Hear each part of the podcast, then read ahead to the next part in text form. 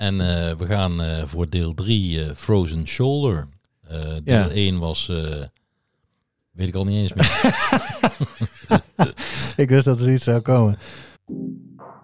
Dit is de Metabol Gezond podcast. Voor een revolutionair betere behandeling.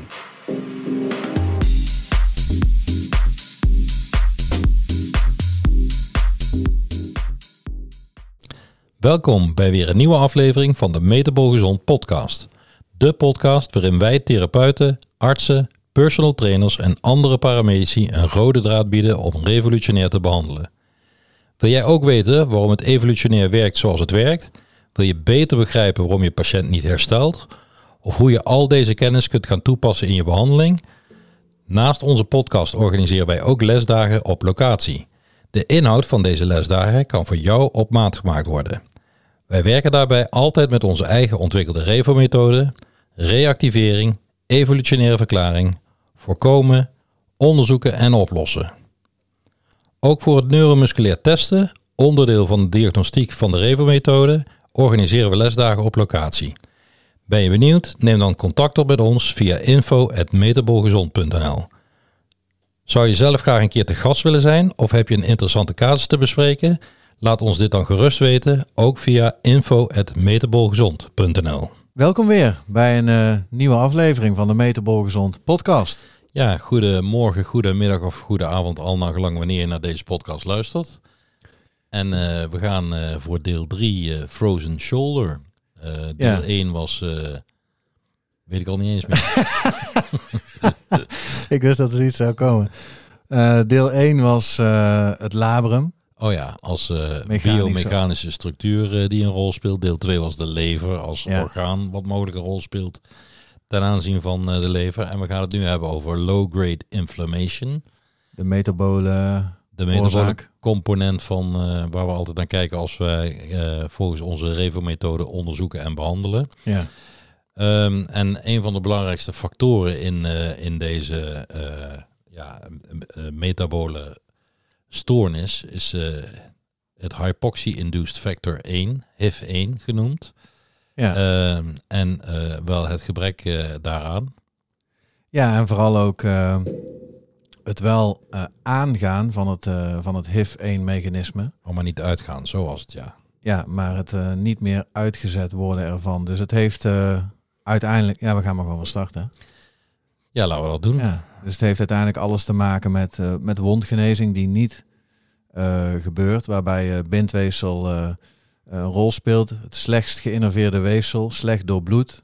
Bindweefsel is het weefsel dat ook het eerst verwaarloosd wordt. Als je kijkt naar hoe energie verdeeld wordt in ons lichaam, dan is daar relatief weinig onderhoud aan nodig indien het lichaam eigenlijk moet overleven en er andere zaken Belangrijke zijn. belangrijker zijn. Ja, dan leidt het bindweefsel als eerste. Dus het is niet zo heel gek dat wij eh, mensen in onze praktijk eh, binnenkrijgen met allerlei bindweefsel gerelateerde klachten. Denk daarbij ook Ja. aan spier, pees eh, en andere klachten van het bewegingsapparaat. Ehm bindweefsel is ook langzaam in het vernieuwen. Dat noemen we bradytroof. Ehm, en het langzaam vernieuwen speelt natuurlijk een rol in de lengte van het duren van klachten. Ja. Eh, als je gaat kijken dat, eh, dat in, de, in de dunne darm er ongeveer drie dagen nodig is om je intestinal lining te herstellen Mm. of, te- of te vernieuwen. Eh, voor de lever geldt een periode van rond de 100 dagen. Botten gaan we al richting 7 tot 10 jaar. En bot is natuurlijk een gespecialiseerde vorm van bindweefsel. En zelfs de huid, ja, dat duurt ongeveer 100 dagen voordat de huid volledig vernieuwd is. Ja. Ehm, dus als er een, eh, een verwonding ontstaat of een letsel ontstaat of eh, een beschadiging ontstaat van bindweefsel, dat noemen we dan eigenlijk gewoon ook een wond, eh, dan wordt er een, een stamcel wordt, vanuit het mesenchyme gestart, zeg maar, of ja, gestart, die wordt ter plekke aangeroepen. En die wordt dan een vetcel, zodat het immuunsysteem kan worden gevoed. Zodat er mogelijkheid is om te switchen eh, van de ecosanoïden, dus van omega-3 naar nee, van omega-6 naar omega-3 eh, de, de, de switch. Ja. En dat is van pro-inflammatoire naar anti-inflammatoire. Dus het is al een mechanisme wat er eigenlijk voor moet zorgen dat, eh, ja, dat na een ontsteking er ook een stopsignaal is voor dezelfde ontsteking. Ehm, tegelijkertijd maakt die vetcel het mogelijk dat er EPA en DHA wordt geleverd om celwandreparatie te doen. Ehm, en dat uh, zorgt dan tevens voor het afsluiten van een open wond, zodat er een sepsis kan worden voorkomen. Uh, en, nou ja, en dan heb ik hier nog staan dat bot repareren duurt ongeveer zes weken. Vandaar dat de meeste mensen een gips uh, krijgen voor zes weken. Dan is het nog niet, denk ik, volledig belastbaar zoals het, het oude bot was, zeg maar. Nee. Maar bindweefselherstel kan wel tot 500 dagen duren. Nou, dan ben je dus, ja, dan heb je het over anderhalf jaar. bijna richting, nou ja, twee jaar is wel een beetje heel erg ver, maar ja. Dan hebben we het over anderhalf jaar. Dus, dus als je een bindweefselprobleem hebt in de vorm van een kapselprobleem of in de vorm van een pees-aanhechting, uh, pees-spierovergang, ja, dan zit je wel eventjes zit je wel even vast. Ja. Ja, en daarbij is het zo, dat zie je ook bij mensen die een uh, frozen shoulder hebben, dat dat heel vaak voorkomt bij mensen met metabole aandoeningen, zoals onder andere diabetes type 2 is dat iets wat veel voorkomt. Deze mensen hebben ook veel last van wat we noemen fibrose. Ja.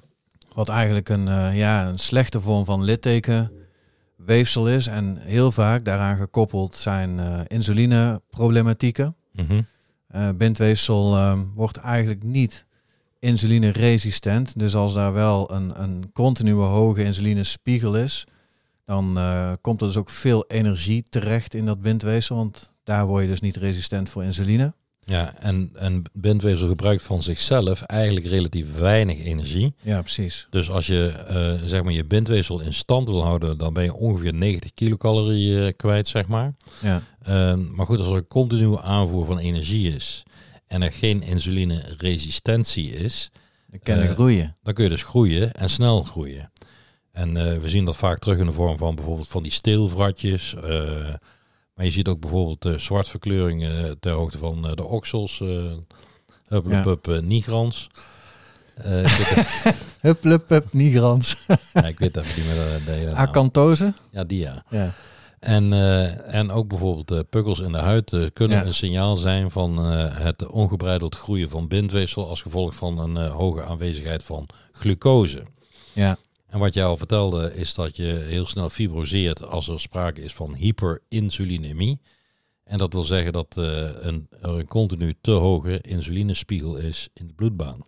Ja, en uh, nou, als er dus een wond ontstaat, dan is daar op dat moment ook een, uh, een hoge zuurstofbehoefte om ja. het een en ander in gang te gaan zetten. Dat is ook waar we straks dieper op ingaan wanneer het hypoxie-induced factor verhaal natuurlijk een een rol gaat spelen, zeg maar. Ja.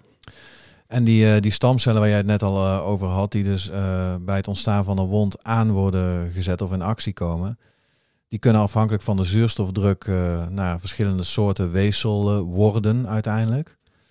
En ja. daarmee bepaalt de mate van doorbloeding, het type nou ja, blast, want het eindigt allemaal op, op blast. Ja. Zoals chondroblast, fibroblast. En dat wordt daar uh, door bepaald welke wordt gevormd. En zo zie je bijvoorbeeld dat bij het chondroblast, wat in feite een uh, kraakbeen of botachtige structuur kan worden. Ja.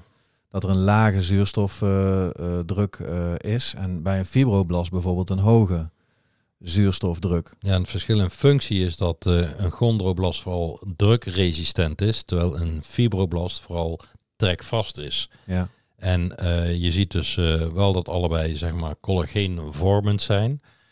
Maar bij de chondroblast zien we een, een lage hoeveelheid matrix, terwijl bij een fibroblast juist een hoge hoeveelheid matrix is. En bindweefsel is, is, dus opgebouwd uit een drietal aminozuren. Glycine, proline en hydroxyproline. En dat betekent dat die wel in je voeding moeten zitten om ervoor te zorgen dat er voldoende bindweefsel aanmaak kan plaatsvinden. Um, dus ook weer hier geldt, als er te weinig van in je voeding zit, dan krijg je natuurlijk uh, inferieur bindweefselproductie. ja, en deze aminozuren moeten natuurlijk aan elkaar vastgeknoopt worden. Dat ja. doen we dan met cysteïne, zwavelhoudende aminozuren voor die verbindingen. En die uh, vind je bijvoorbeeld in ui, prei, knoflook. Uh... Alles wat stinkt, sterk ruikt aan ja. groenten. Ja. Zo moet je dat zeggen, toch? Ja, nou ja, naar, naar zwavel ruikt eigenlijk. Ja, hè? precies. Ja. En uh, we hebben nog meer nodig voor bindweefsel. En dat is uh, vitamine C. Ja, zuurstof. Dus je moet ook echt wel bewegen. Maar ja. goed, zuurstof is natuurlijk het hele verhaal waar het vandaag over gaat. Ja, zink. Ja, ik was al een sheet verder. Nou, dat geeft niet. Ik oh. praat gewoon met jou mee. Oké. Okay. Doe net of ik er verstand van heb. Oké. Nou, en uh, proline en, en lysine, belangrijk voor de stevigheid ook van het bindweefsel. onder de 70 milligram vitamine C per dag uh, is een factor die een risico kan vormen voor uh, nou, niet goed vormen van bindweefsel. Dus dat is al een goede reden om voldoende groente en fruit te eten. Precies. Tussen de 70 en 650 milligram is optimaal, maar ook niet meer dan 650, want dat zorgt dan weer voor afbraak van mitochondriën en daarmee ook voor minder zuurstofdruk, wat je dan juist weer nodig hebt om goede fibroblastvorming uh, te genereren. Ja, en dan nog even misschien een klein lijstje van uh, waar vinden we nou eigenlijk uh, de, de eiwitten in die we, waar we net over spraken. Um, en ik heb de bril niet op. Nee, ik heb de bril niet op. Nou ja. Ik, ik kan het wel voorlezen als je wil. Lees jij maar voor. voor proline kan je bijvoorbeeld eten wild, gevogelte, amandelen en een ei. Cysteïne, zoals je al zei, zit in prei, ui, knoflook. Uh, en dan hebben we nog lysine, uh, ook in wild gevogelte eieren, maar bijvoorbeeld ook in noten en sesamzaad. En natuurlijk heb je voor een, eh, een goed soepel bindweefselmodulatie heb je ook omega-3 vetzuren nodig. En die vind je natuurlijk in alles wat uit de zee komt. dus vis, schalen schelpdieren. schalen schelpdieren is ook een goede bron voor zink.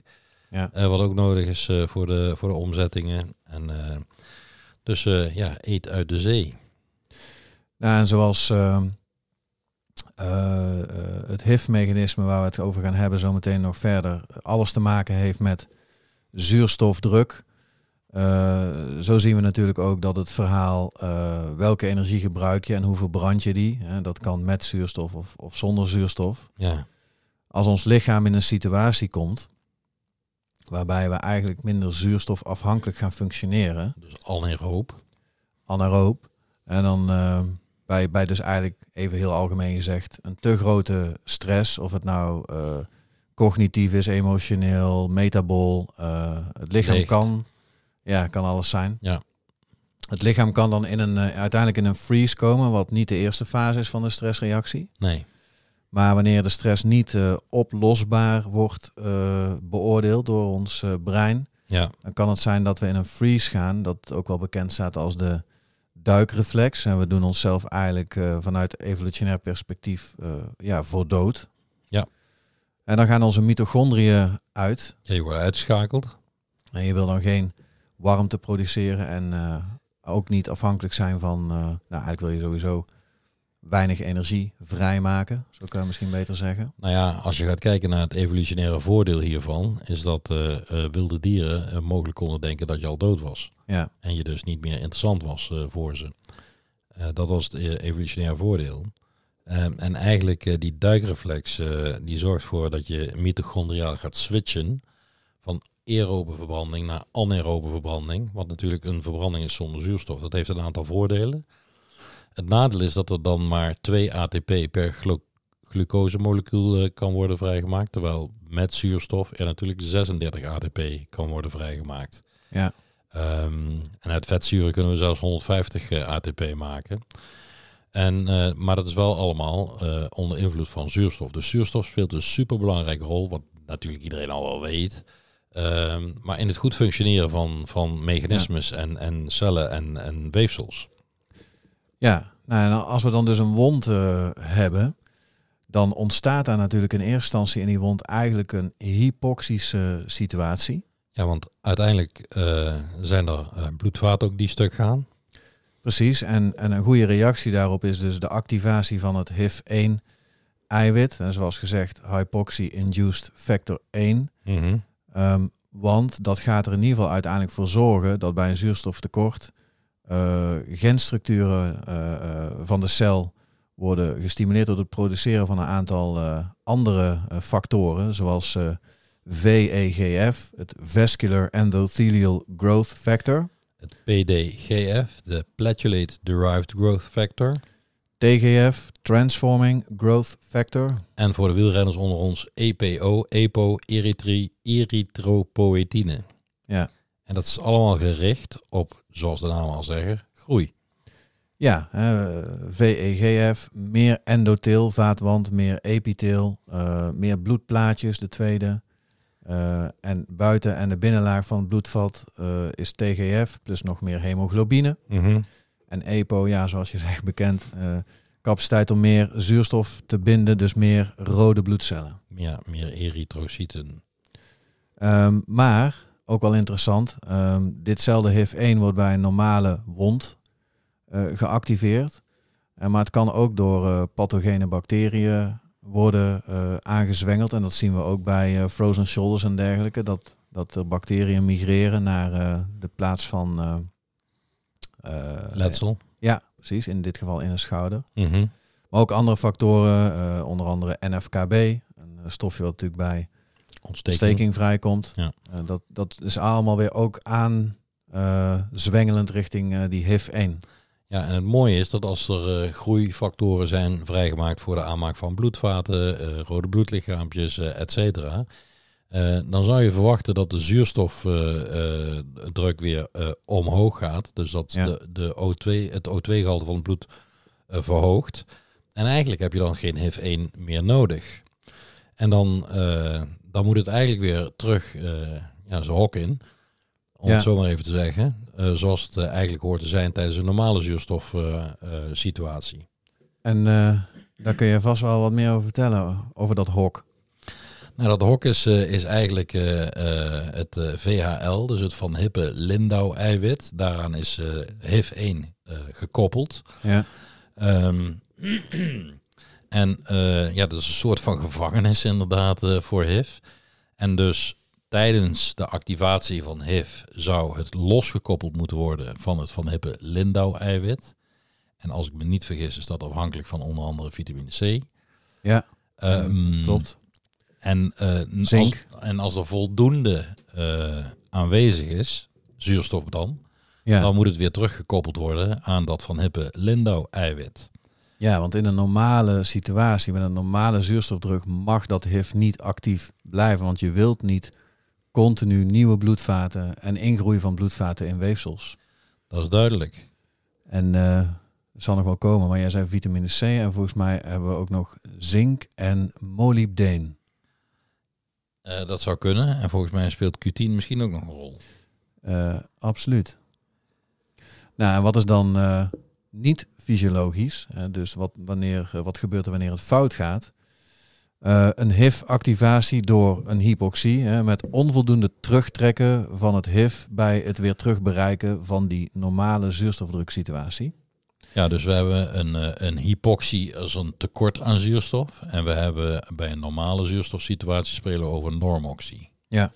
En eh, voor structuren waar bloedvaten geen voordeel zijn, eh, kan dit wel eens een probleem eh, gaan zijn. We hebben het straks gezegd waarom eh, een, een, een nou, vergrote toevoer van energie in bindweefsel Ja, niet handig is. Dus als daar bloedvaten blijven bestaan, dan, dan bestaat de kans dat je toch ook een fibrose uiteindelijk gaat krijgen in je bindweefsel. nou ja, waar we het nu over praten is natuurlijk over eh HIV-1 in relatie tot schouderproblematiek. Maar we zien Ja. natuurlijk hetzelfde bij Achillespeesproblematiek bijvoorbeeld. Zeker. Ehm, een pees is naar het centrum toe minder goed doorbloed. Er zijn veel type 1 eh collageenvezels. Nou, stel je nou voor dat dat HIV niet terugtrekt, dan blijven er bloedvaten aanwezig. En dat betekent dus dat er te veel doorbloeding aan de binnenkant eh, is eh, van zo'n pees. waardoor er zwelling, roodheid en warmte ontstaat. En dan zou je denken van, goh, die Achillespees is ontstoken. Want het bij een Achillespees is natuurlijk makkelijk vast te stellen. Maar dat is in feite helemaal geen ontsteking. Het is de hoge activatie van HIV-1. Ja, en dat zie je dus in de, letterlijk in de praktijk. Hè. Als je het klinisch beeld, daar wordt er vaak afgegaan. Ja, nou ja, je noemt net die kenmerken, die zijn wel ook kenmerkend voor ontsteking. Maar Tuurlijk. als je lokaal gaat kijken, dan eh, is, er, eh, is er toch wat anders aan de hand. Nou ja, je sprak net over NF-kappa-B of NFKB. Eh NF-kappa-B komt natuurlijk bij, eh, dat is een transcriptiehormoon bij ontstekingsreactie. Het is betrokken eigenlijk bij elk proces van wondgenezing. En als dat vrijkomt, dan komt dus ook HIV-1 vrij. Dus een chronische ontsteking in een gewricht of in een pees betekent eigenlijk een chronische HIV-activatie. Ja. En dat is tegelijkertijd de reden waarom dat die ontsteking niet oplost. Eh, en dan hebben we nog een ander mechanisme, een beetje wel eigenlijk eh, erin gestopt, zie ik. Het, eh, het mechanisme van de ages. Ja, de Advanced Glycation End Products. Ehm, dat is eigenlijk het versuikeren van het, van het weefsel, zeg maar. Nou, dus het ligt wel in lijn van het feit dat er natuurlijk een continue verhoogde doorbloeding is. Ja. Als je dan ook nog eens een continu verhoogde bloedsuikerspiegel hebt, met, met de verhoogde insuline, en je hebt ook al die energie de hele tijd in het weefsel, dan, dan kan je dus letterlijk een, eh, oh, mijn beeld valt nu hier weg, kan je letterlijk een versuikering eh, krijgen van bindweefsel. Ja, en, en eigenlijk eh, is dat het aanhechten van het suiker aan, het, aan weefsel met een lage turnover. En in dit geval praten we natuurlijk over collageen met een lage turnover. Ja, via een aantal stappen krijg je dan dus die versuikering. En de consequentie is dat het bindweefsel stugger en stijver wordt. Daar komen we niet zo heel veel tegen in de praktijk gelukkig. Eh, alle vormen van bindweefsel zijn hier gevoelig, gevoelig voor, maar met name eh, het collageen is daar eh, gevoelig voor. En dat hele proces zorgt weer voor de aanmaak van NF-kappa-B, wat zoals we net zeiden een transcriptiefactor was bij ontstekingsreacties. ja, Ehm, en eigenlijk word je daarmee, krijg je daarmee dus een activatie van HIV-1. ja, Dus te veel suiker in je bindweefsel geeft aanleiding tot een low-grade inflammation. En daarmee tot een chronische te lage activatie van HIV-1. En dat leidt tot het niet afronden van het proces. Nou, we kennen allemaal mensen die eigenlijk maar continu beter, niet over, toch weer terugvallen, et cetera. Dat heeft echt hiermee te maken. Ja, we hebben natuurlijk nu, eh, we spreken vanuit de frozen shoulder. Ehm, maar dit proces is natuurlijk net zo goed van toepassing en zeker ook in de praktijk vaak zichtbaar bij bijvoorbeeld de tenniselleboog. Dat is ook echt een typisch HIV-ding als daar een chronische ontstekingsreactie komt op die pace, op die aanhechting. Ja, ja wat, eh, wat er eigenlijk gebeurt eh, tijdens eh, zo'n versuikering is de zogenaamde Maillard-reactie. Dat is wat je biefstuk zeg maar van buiten dichtschroeit. Ehm, het, is het is eigenlijk een verzamelnaam voor een complexe chemische reactie die optreden tussen suikers en aminozuren. En eh, nou ja, eigenlijk eh, wat er gebeurt is dat de suikers binden aan lysine. Ehm dan krijg je de vorming van carboxylmethyl lysine, CML. Nou ja, heel eh, verhaal, eigenlijk niet interessant. Einde van het liedje, schade aan alles. Aan huid, bloedvaten, kraakbeen, botten, hoornvlies, etc. Kunnen we nog wel een keer, eh, keer over hebben. Als aparte podcast misschien. Ja, versuikering is wel een eh, heel interessant verhaal en niet alleen eh, interessant, maar ook vooral veel voorkomend. Maar goed, we hebben een wond. En dan ga je die internet nog nodig, of niet? Nee, niet direct. We hebben een wond. En we roepen dus een eh, HIV-1-reactie op. Ja, En eh, we krijgen vaatwandgroei, we krijgen epiteelgroei, we krijgen eh, meer erytrocyten, we krijgen meer toevoer van zuurstof. ja, En dan moet HIV-1 dus geremd worden. ja, Eh, nou ja, we hebben het al over de verbinding van HIV-1 met VHL, het van Hippelindo-eiwit gesproken. En de verbinder is hydroxyproline. Mhm. En we hebben het net al in het begin ook gehad over het feit dat we hydroxyproline nodig hebben om, eh, om inderdaad bindweefsel te vormen. ja, En de verbinding, eh, wat we al zeiden, is eh, vitamine C. Het is de- in dit geval niet een antioxidant, maar het is een hydroxyleringssubstantie. Dus het zorgt ervoor dat, dat de verbinding tot stand komt. En op het moment dat HIV vrij is, maar terug moet naar het van Hippelindau-eiwit, dan is het inderdaad zo dat coenzym Q10 dit ondersteunt.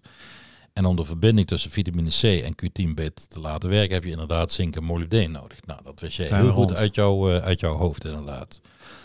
Eh, nou ja, eh, als je dan gaat kijken van wat, wat heb je dan voedingstechnisch nodig, dat is natuurlijk groenten, eh, planten, wat natuurlijk een vorm van groente is.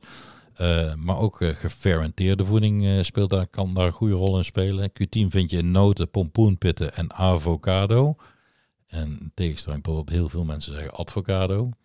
Ja, daar zit Dus- geel in een fles. Avocado.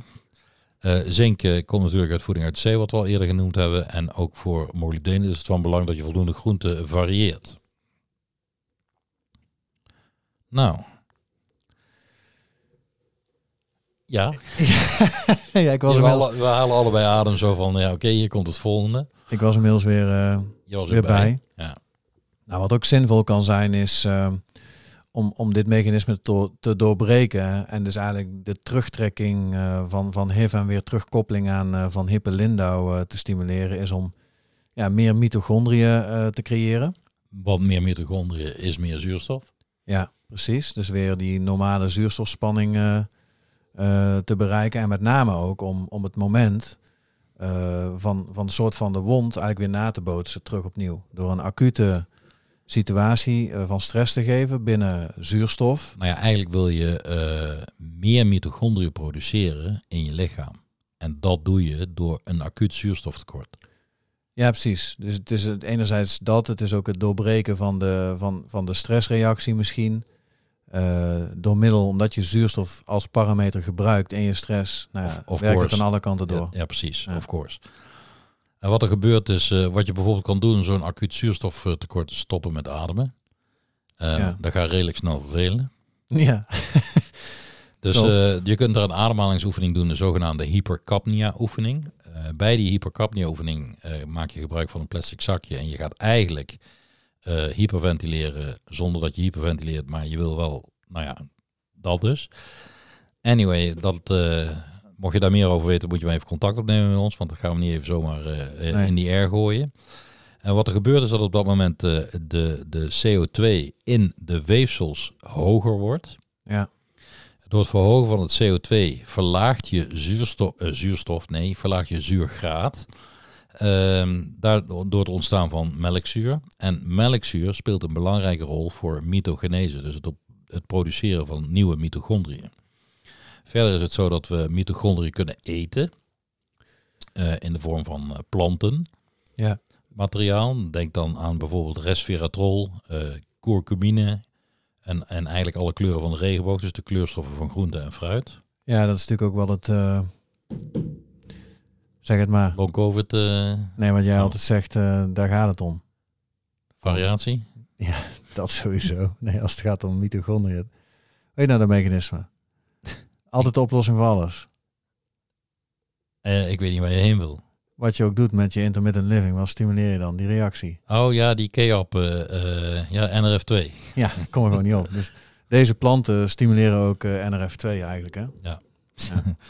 En tot slot is het natuurlijk zo, als we de m- HIF1-remming willen laten functioneren, dan is het ook van belang om de aanwezige mitochondriën er, die er dus al zijn, maar mogelijk niet optimaal functioneren, om die te activeren.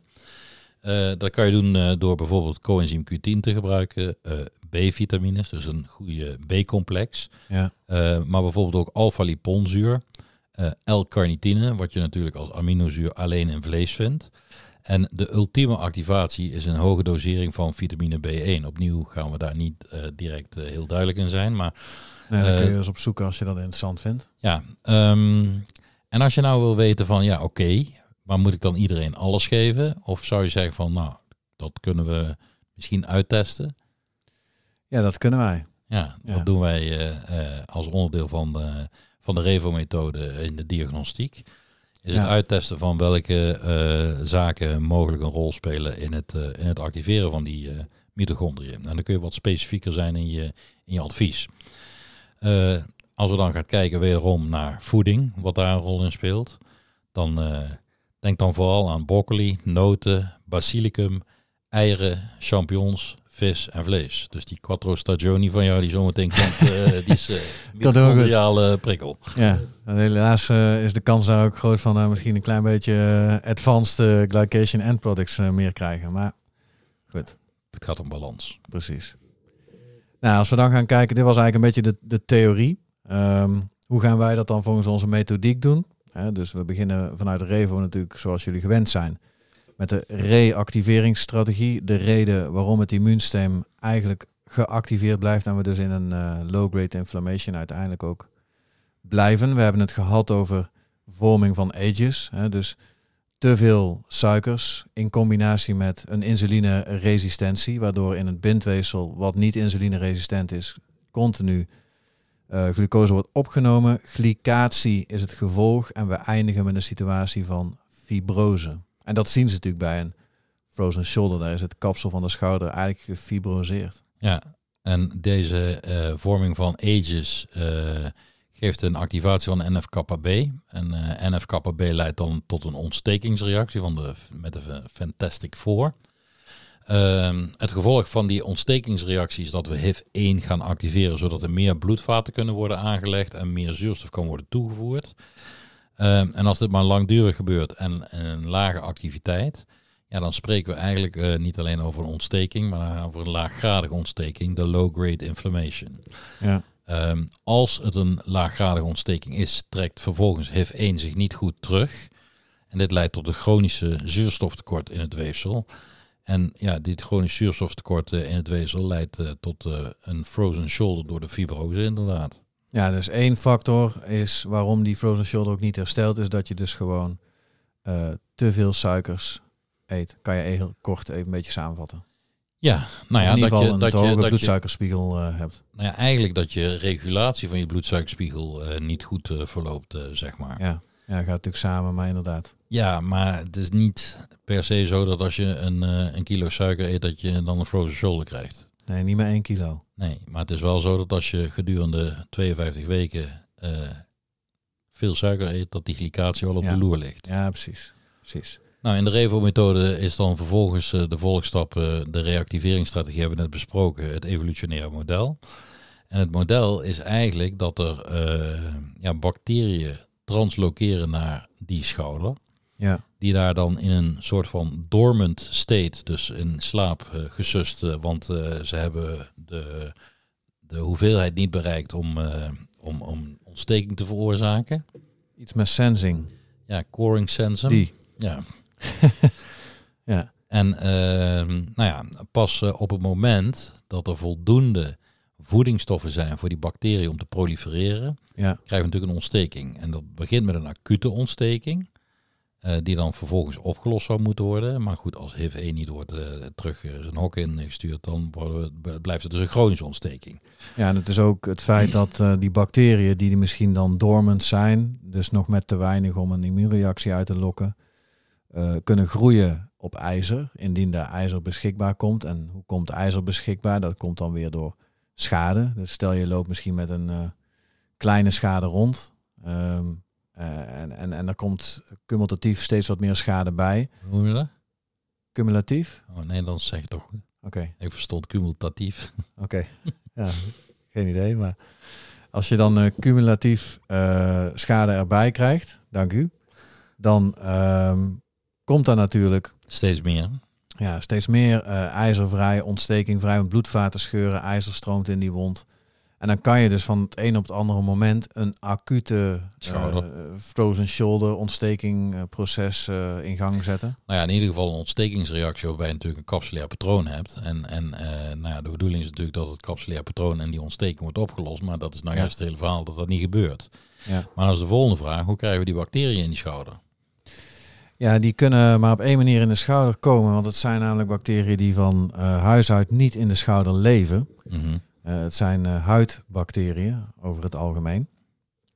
Die, eh, die kunnen daar komen doordat ze dus door de barrière van onze huid in onze circulatie terechtkomen. Dus eh, een hyperpermeabiliteit van onze huidbarrière is een belangrijke risicofactor voor een frozen shoulder. Ja, dan eh, komen er dus pathogenen binnen door die openstaande barrière. Eh, dat laatste eh, activeert weliswaar het immuunsysteem, hè, die open, openstaande barrière, maar dat blijft meestal zonder grote gevolgen. Eh, en hoe krijg je nou zo'n barrière hyperpermeability, zeg maar? Nou ja, het kan bijvoorbeeld door een operatie, maar het kan ook door een vaccinatie, of het afnemen van bloed, of nou ja, van alles of nog wat.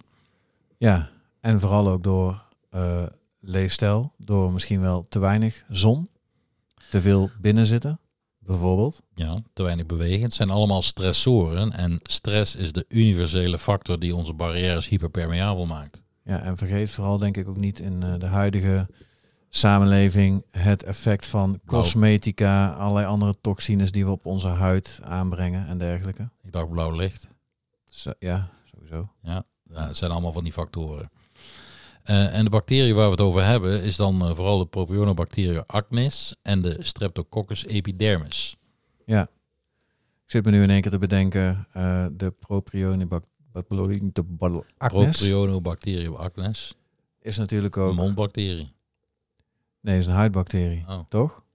Het is volgens mij letterlijk de bacterie die ook acne Ja. geeft. Ja, dat klopt. Dus hebben mensen die acne hebben dan ook een vergrote kans op een Frozen shoulder. frozen shoulder. Good question. Natuurlijk ook hyperinsulinemie. Ja, nou ja, vaak wel. Vaak wel. Ja, good question. Heb ik nog nooit eh, eh, nagevraagd in anamnese, maar dat zouden we kunnen doen. Ja. Laten we een onderzoekje doen. Nou ja, de V in Revo is van voorkomen. Dat ligt natuurlijk heel erg in het verlengde van de mechanismes die we al besproken hebben. Ja. om, om chronische hypoxie te doorbreken, waardoor HIV actief blijft en dus eh, de genezing niet optimaal is, kan je dus ademhalingsoefeningen doen, zoals we net hebben gezegd. Ja. Ehm, misschien eh, hebben we wel een gebrek aan eh, anti-inflammatoire capaciteit, wat eh, iets te maken kan hebben met eh, vetzuren, dus in dit geval met eh, omega-3 vetzuren. En melkzuren, Ja. Eh, een gebrek aan beweging, dus de, de- sedentary lifestyle. precies. Eh, en, en de barrière, dus eh, zorg voor voldoende bouwstoffen, eh, houd je microbioom gezond voor een goede functie van de barrière. Ja, nou zijn er eigenlijk twee soorten eh, frozen shoulders. Je kan een Klopt. idiopathische hebben of je kan een traumatische frozen shoulder hebben. Maar idiopathisch is toch zonder oorzaak? Nou, zonder gekende oorzaak. Ja, oké. En wij kennen de oorzaak. Ja, en dan zien ze dus dat bij het traumatische, wat je zegt, daar eh, ligt vooral een gebrek aan oplosstofjes als eh, oorzaak. Ja, Dus dat zit dan in eh, bijvoorbeeld in, nou ja, vooral in omega-3 tekort. Ehm, en die idiopathische, ja, dat heeft iets te maken met alle mechanismes die we eigenlijk net besproken hebben. Ja. Overigens, we hebben het al gezegd, type 2 diabetes, maar ook type 1. Eh, ja, en, en Parkinson en eh Dupuytren, wat Oh, ja. natuurlijk eigenlijk ook een fibrose is. Eh, en hypo, hypothyroidism. Ja, dus eh hypo schildklier. Ja. Daar kon zie je ook meer frozen shoulders bij die, bij die groep mensen.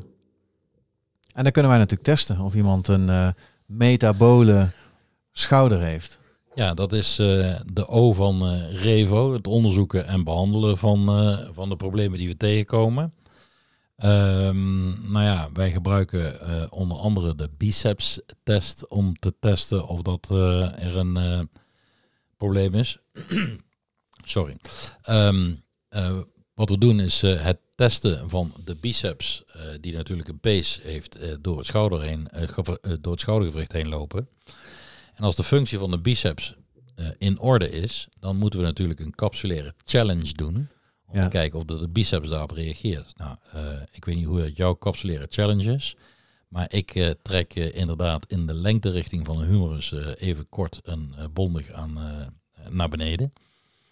En, Ja. en vervolgens hertesten we de biceps om te kijken of dat daar een, een neuromusculaire reactie is. Ja, en in theorie zou je ook best een andere spier kunnen testen. Want als een kapsel in zijn geheel is aangedaan, dan verzwakken eigenlijk alle spieren die een functie over het schoudergewricht hebben. Ik moet ook heel eerlijk zeggen dat als ik een schouder test, dat ik zelden de biceps gebruik. Ja, maar ik weet waarom eh, hier de biceps staat. Althans, het idee daarachter is dat iemand die een echte frozen shoulder heeft, niet in staat is om die arm te exoroteren, te abduceren. Dat is ook wel weer waar. En de biceps in een positie getest kan worden met de arm aan de romp. Dat is waar. Daar had ik niet even, even niet aan gedacht. Want eh, eh, over het algemeen, eh, als ik ga kijken of dat een kapselprobleem is, gebruik ik de serratus anterior. En ik weet dat jij dat eigenlijk ook altijd doet. Ja, maar dat is het idee van de frozen shoulder. En, Ja. Dat is eigenlijk heel logisch. en dan gaan we natuurlijk zoeken, als daar een positieve test is, gaan we zoeken naar de oorzaak. En ja, zoals we net besproken hebben, waarschijnlijk is het immuunsysteem hier een, een grote factor met zijn barrières of met een chronische reactivatie. Dus daar gaan we dan kijken naar, eh, naar de oorzaak. Ja, en als we met onze eh therapielokalisatie niet de immuunorganen vinden, ja, dan moeten we daarna natuurlijk alle andere organen gaan testen. Ja. Eh, vervolgens is het zo dat we opnieuw dezelfde test moeten doen. Dus de biceps na een capsule challenge om te kijken of dat er dingen veranderen. als we de magneet verplaatsen. Na een, eh, eh, de behandeling. hebben we eigenlijk al besproken natuurlijk. Maar kort samengevat eh, is het een ademhalingsoefening om de acute hypoxie te geven. Om de chronische hypoxie te doorbreken. Het remmen van het HIF-1-mechanisme door vitamine C, coenzym Q10, zink en molybdeen. Uit de voeding die we al eerder allemaal benoemd hebben. Ja. Ehm, En dan is hij ontdooid. En dan eh, werkt het. Daarmee hebben we het drieluik frozen shoulder eh, afgesloten. Dus dan is de volgende vraag, eh, eh, waar gaan we het over twee weken over hebben? Volgens mij hebben we nog één eh drieluik eh, op de agenda staan. En dat is? Dat is een hele goede vraag. Ik ga eventjes eh, kijken in mijn eh, zonder internetverbinding laptop. Want we hebben natuurlijk een aantal masterclasses eh, al eh, gedaan, eh, zeg maar. we hebben ehm, de vier vergeten oorzaken van lage rugklachten. Die hebben we ongetwijfeld al gedaan, eh, zeg maar. Dat eh, betwijfel ik. Maar Ja, die hebben in ieder geval eh, in, in, de, in de We hebben het gehad over kans. ja, klachten aan arm, nek en schouder. We hebben het gehad over hielspoor, Eh, dat is de fasciitis plantaris, hoofdpijn. hoofdpijn, En- frozen shoulder. Dus we hebben nog de lage rug En, we de bursitis de. Oké, dus nou, over 14 dagen eh, aflevering 1 van De bursitis. bursitis trochanterica. Eh, dat betekent, eh, ik zeg tot over twee weken. Tot over twee weken. Deze podcast werd mede mogelijk gemaakt door Metabol Gezond.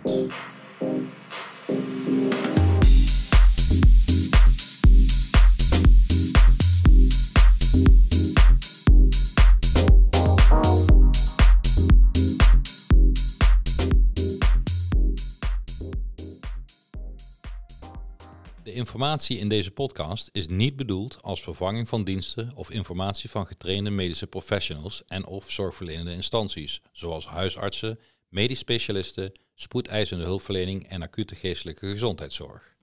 De informatie in deze podcast, noch de gebruiksmogelijkheden, kunnen gezien worden als een vervanging van medische of andere professionele hulp, zorg of ondersteuning.